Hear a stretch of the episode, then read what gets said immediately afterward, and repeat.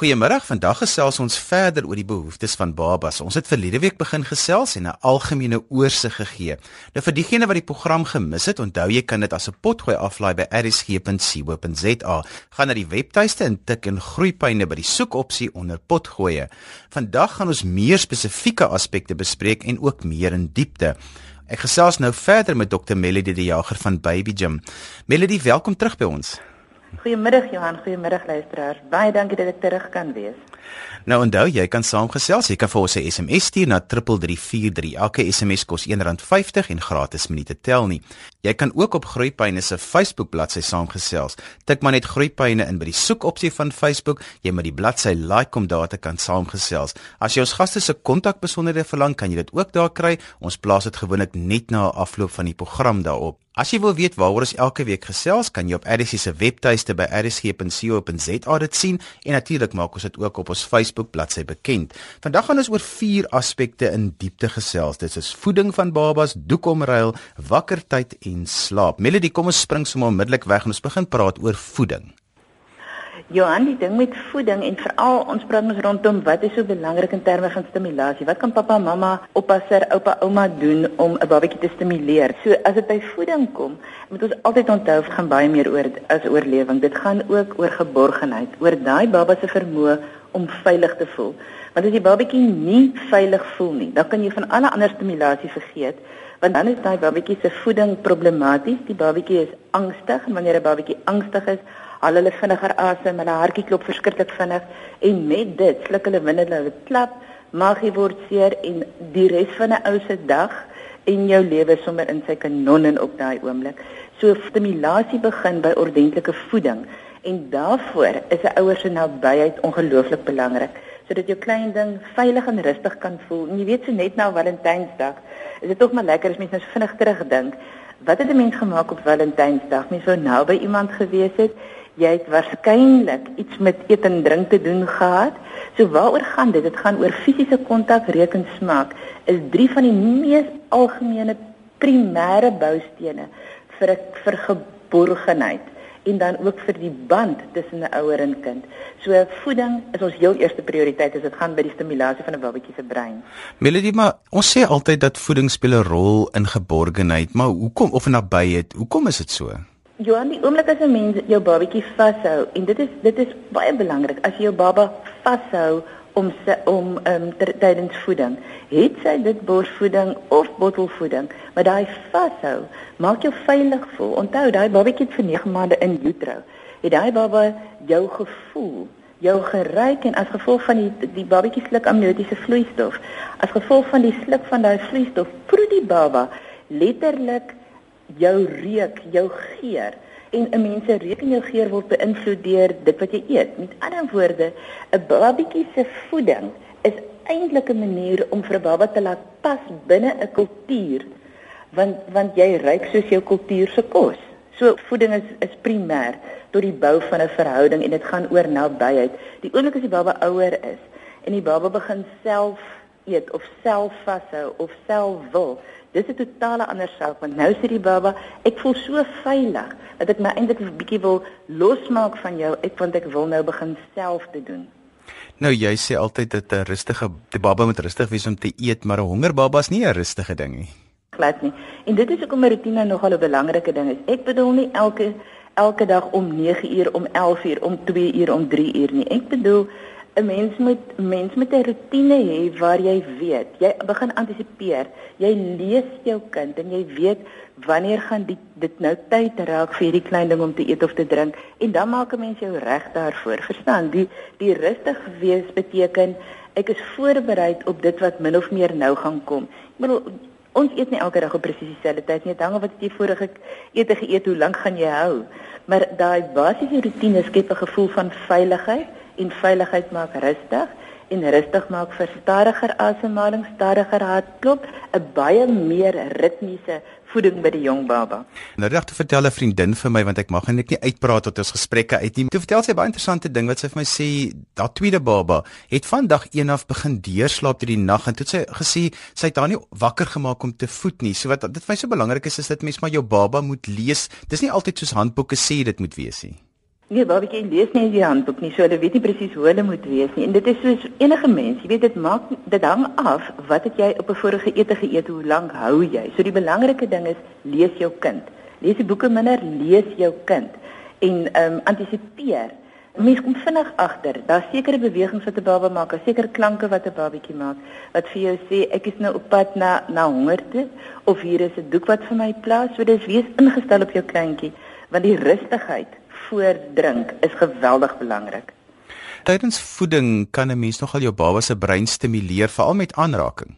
Twee goeters. Die een is versigtig vir te veel geraas waar jy ook al is want dit trek die babatjie se aandag af en hulle vat en los en vat en los. Maar die belangrike ding is jou aanraking, want terwyl jy jou baba vashou, is daar altyd 'n arm en 'n been wat boontoe wys. Met ander woorde, na jou gesig toe. En dit is instink. As jy hierdie arm en been sien en hulle beweeg eintlik spontaan van self, dan vryf mens daan of jy masseer en met die As jy aan die linkerarm en been vat wat gewoonlik boontoe wys as 'n mamma die linkerbors ehm um, um, met die linkerborsvoet of in die linkerarm vashou, die oomblik as jy daai babatjie se linkerarm en been stimuleer, stimuleer jy gelyktydig die baba se regterkant van die brein. En as jy omswaai na die ander bors toe en as jy borrelvoet na die ander arm toe, die oomblik as jy omswaai na die ander kant toe en jy stimuleer die regterarm en been, dan stimuleer jy ook die linkerbrein. Met ander woorde, aanraking terwyl jy voed is 'n ongelooflike goeie geleentheid vir breinstimulasie sonder dat jy speelgoed hoef te koop. En die handpalms kan 'n mens ook nogal lekker masseer veral vir daai refleksbeweging. Absoluut, Johan. Die oomblik is as jy jou hand naby jou duim, naby jou babatjie se hand bring, hulle die vingertjies krul outomaties om die duim. Oeg. En dit is die ongelooflike gevoel as daai klein handjie so om jou vingers krul en jy weet maar hierdie kind hang aan jou vas en jy die vermoë om hierdie klein ding veilig te hou. So emosioneel is dit goed vir jou baba, dit is baie goed vir die mamma ook, maar baie meer is dit Want die oomblik as jy jou duim gebruik om die palm van 'n babatjie se hand te masseer, dan gebeur daar twee goed en hierdie is nou natuurlik veral vir 'n mamma, is wanneer jy in die in die middel van die babatjie se handpalm masseer, dan druk mens asof ware 'n knoppie wat die suig verbeter. Die suig word sommer sterker en 'n mens kan dit letterlik voel. Maar 'n tweede ding gebeur Johan en dit is wat vir my so ongelooflik is vir die manier waarop mense mekaar gesit het. Wanneer jy jou duim die babatjie se hand masseer, jou 'n mamma se duim se voorste lid word geassosieer met die um, melklat sak refleks in die brein. So terwyl jy die babatjie se handjie um, stimuleer om sterker te suig, stimuleer jy gelyktydig die vloei van jou eie melk. Tango wat gebeur, maar 'n mens moet lekker kan saamwerk vir voeding 'n sukses is.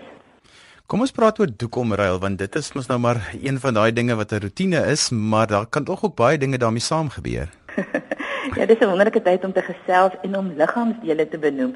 Want terwyl jy besig is om die doek uit te trek, dan trek jy mos nou aan die arms en jy raak aan die magie. En dit is baie belangrik dat 'n baba klank hoor voor 'n kleintjie klank kan praat later aan. So praat met jou baba al voel jy soos 'n kluit want die kleintjie verstaan nie alles nie. Daai praat is belangrik want jy's besig om te belê in jou kleintjie se spraak later aan. Altyd onthou die oor moet kan hoor voor die mond kan praat en dit is hoekom mense wat gehoor gerem is of dalk doof is, hulle klank is baie anders as ja, 'n horende persoon. So ons moet die ore baie lekker stimuleer. So voor met die doek omruil, soos wat mense aan die lyfie vat, gee daai liggaamsdele naam. O, mamas, en hierdie is 'n groot uitdaging vir ons vrouens. Is leer sommer vir die begin van die begin af vir jou kind wat se linkerhand en wat se regterhand.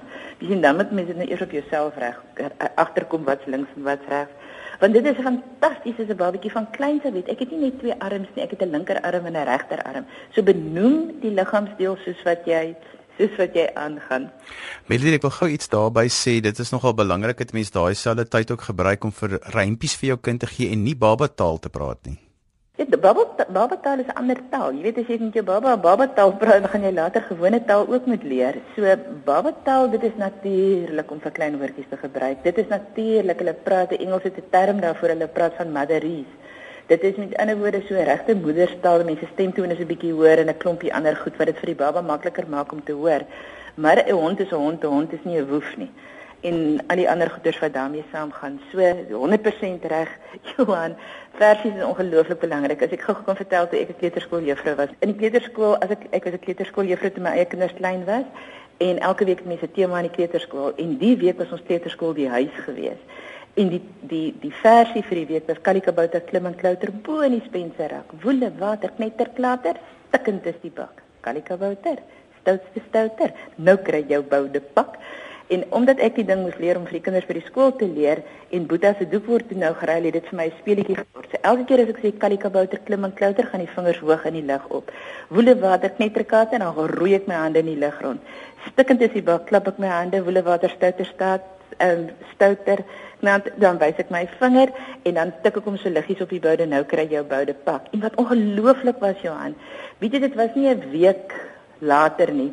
As ek by Woelewater knetterkater kom, begin Roan sy oogies knip. Hoekom? Want hy het geweet hier kom my hande se klap, want hulle begin antisipeer. So jy's 100% reg. Versies en rympies tydens doekomruil, dis 'n fantastiese geleentheid. En ook later dan as ons gaan praat oor massering byvoorbeeld. Ehm um, daai hele ou dingetjie van hierdie as ons sê met die twintjies of die vingertjies werk en dan sê ehm um, hierdie varkie doen dit en ag man, viele fooi, ag man, jy weer daai lekker versie. Ons gesels vandag verder oor die behoeftes van babas. Ons het verlede week begin gesels daaroor en vandag praat ons oor baie spesifieke aspekte. In die eerste deel van die program het ons gepraat oor voeding en ons is nou besig om bietjie te gesels oor wat mense alles kan doen oor doekomruil en later in die program gaan ons praat oor wakkertyd en nog so 'n bietjie 'n paar gedagtes wissel oor slaap. Melody, Kom ons praat verder oor doekomruil. Ons het nou al gesê dat breinpies is belangrik, praat is belangrik. Wat is nog belangrik tydens doekomruil? Behalwe doekomruil, Johannes ook 'n mense emosionele reaksie op wat met die doek gebeur. Jy weet as as mens doekomruil, is daar gewoonlik 'n gevolg dis hoekom jy die doek omruil. En die gevolg het gewoonlik 'n klankie menende 'n reukie.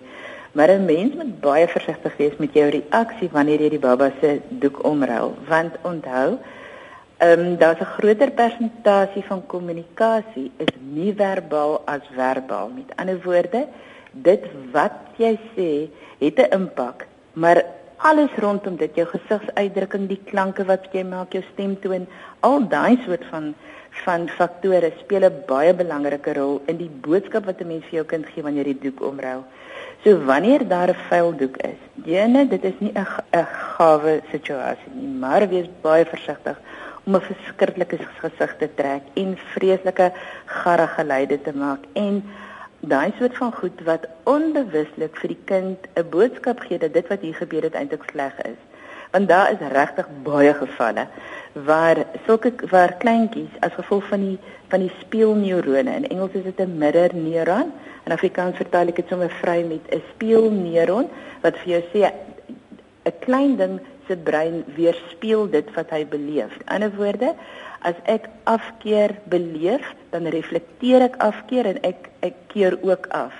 As ek met liefde ontvang word en daar positief gereageer word op alles wat ek doen, dan reageer ek met liefde en reageer is meer geneig om positief te reageer op goed. So as ouers baie sterk negatief reageer op 'n vuil doek of op 'n nat doek of of wat ook al, dan moet mens versigtig wees dat die kleintjie nie daardeur die boodskap kry dat dat jou magiewerk 'n slegte ding is nie, want dan kan hulle terughou. Hmm. En daar is regtig heelwat gevalle, ons het dit van tevore bespreek op die op die hele potty ehm um, situasie wat die program met ons daaroor gehad het. Dit mens baie versigtig moet wees want dit kan regtig aanleiding gee tot hartlywigheid en allerlei aardige siektes wat 'n mens nie wil hê nie. So tydens doekomruil, 'n mens kan sê, "Ooh, dis woes." maar wees seker dat jy nie afkeer daarin wys nie. Want klein goed beskou hulle hulle skepping in die doeke as hulle eerste skepingsdade op aarde. En dit is baie interessant Johanna. Ons vorige program het ons heelwat terugvoer gekry van ouers wat sê die oomblik as hulle kleintjies leer om om op die potjie te sit en dan kom hulle met hulle die resultaat van hulle sit en aangehardloop om om baie trots te wys wat het ek nou net gemaak. So bietjie versigtig met met 'n te hewige reaksie wanneer ons doeke omruil.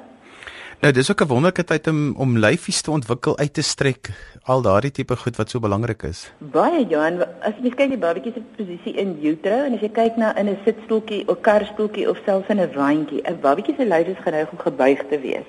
En 'n baba moet uitstrek want ons loop nie met 'n gebuigde lyf nie. Um, ons is deel van Homo sapiens. Ons loop op twee bene, maar daarvoor moet ons lyf reguit uitgestrek kan wees.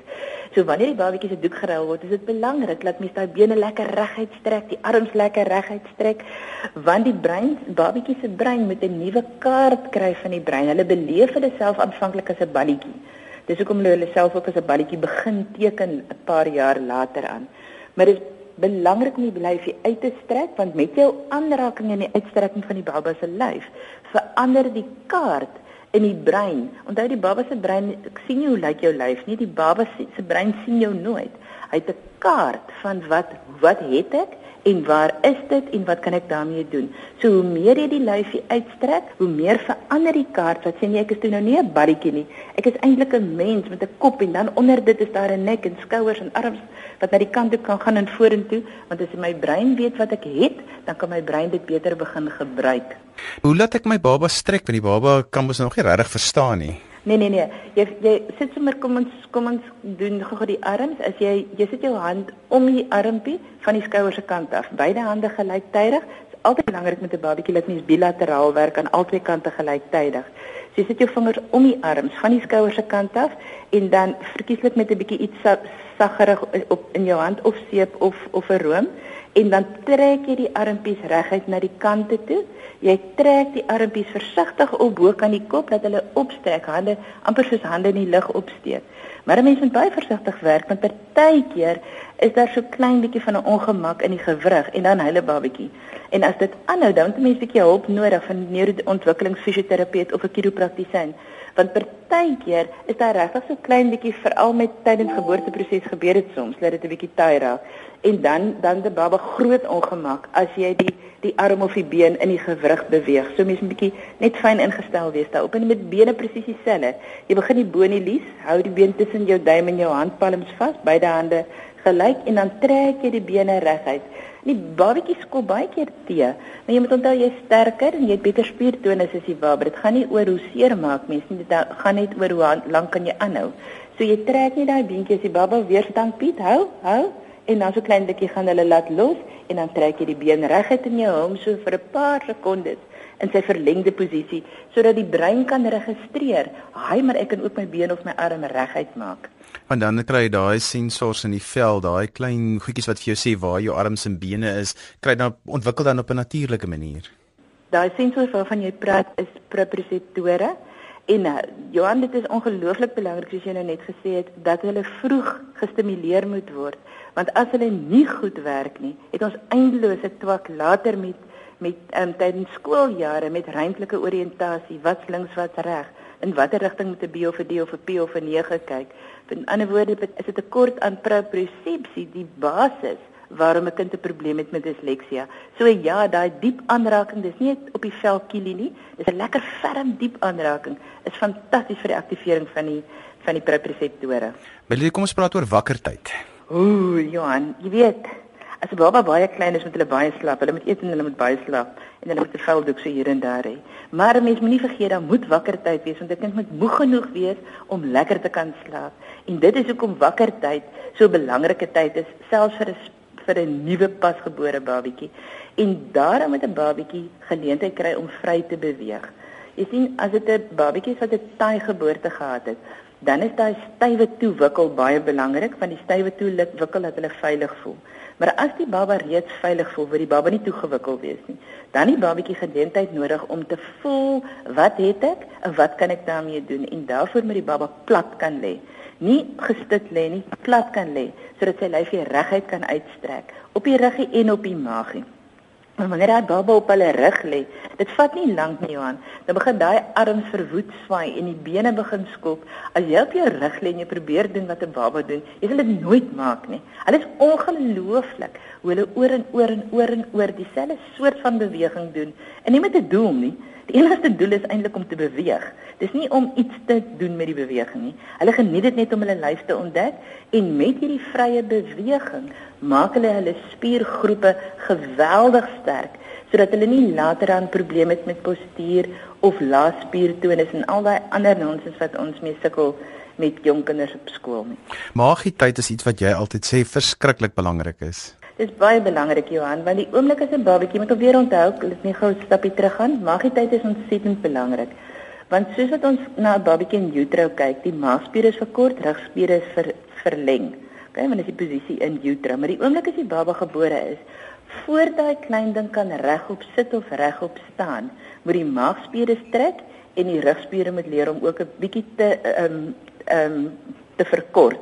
Nie verkort soos in verkeerd nie, maar sodat die lyfie in 'n reguit regop posisie kan wees. So die maagietyd is belangrik vir die strekking van die maagspiere, maar dit is eintlik die primêre rede is sodat die babatjie leer om sy kop bo bo te hou, want dit maak die nek sterk. En nekbeheer of kopbeheer lei alle fisiese beweging.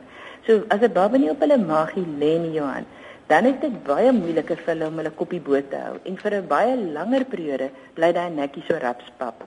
So wat dan andersins gebeur as 'n babatjie nie maagie tyd doen nie, hulle lê fisies baie op hulle rug en met die baie op hulle rug lê, leer hulle om hulle koppie te draai. Hulle leer om daai kop te beweeg, maar dit is nie dieselfde as wat hulle die kop beheer ontwikkel van op die rug en van op die maagie nie. Melie, gee net so 'n paar wenke, so 'n kort lysie van die moets en moenies tydens wakkertyd.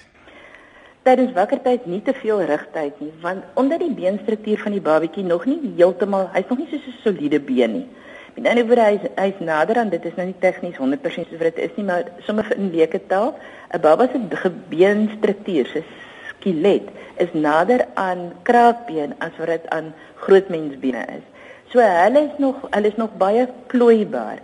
En 'n baba wat te veel op sy ruggie lê of net op die rug lê of net sit steen gesteen sit in 'n wandjie of 'n ding, sy agterkop raak half platterig.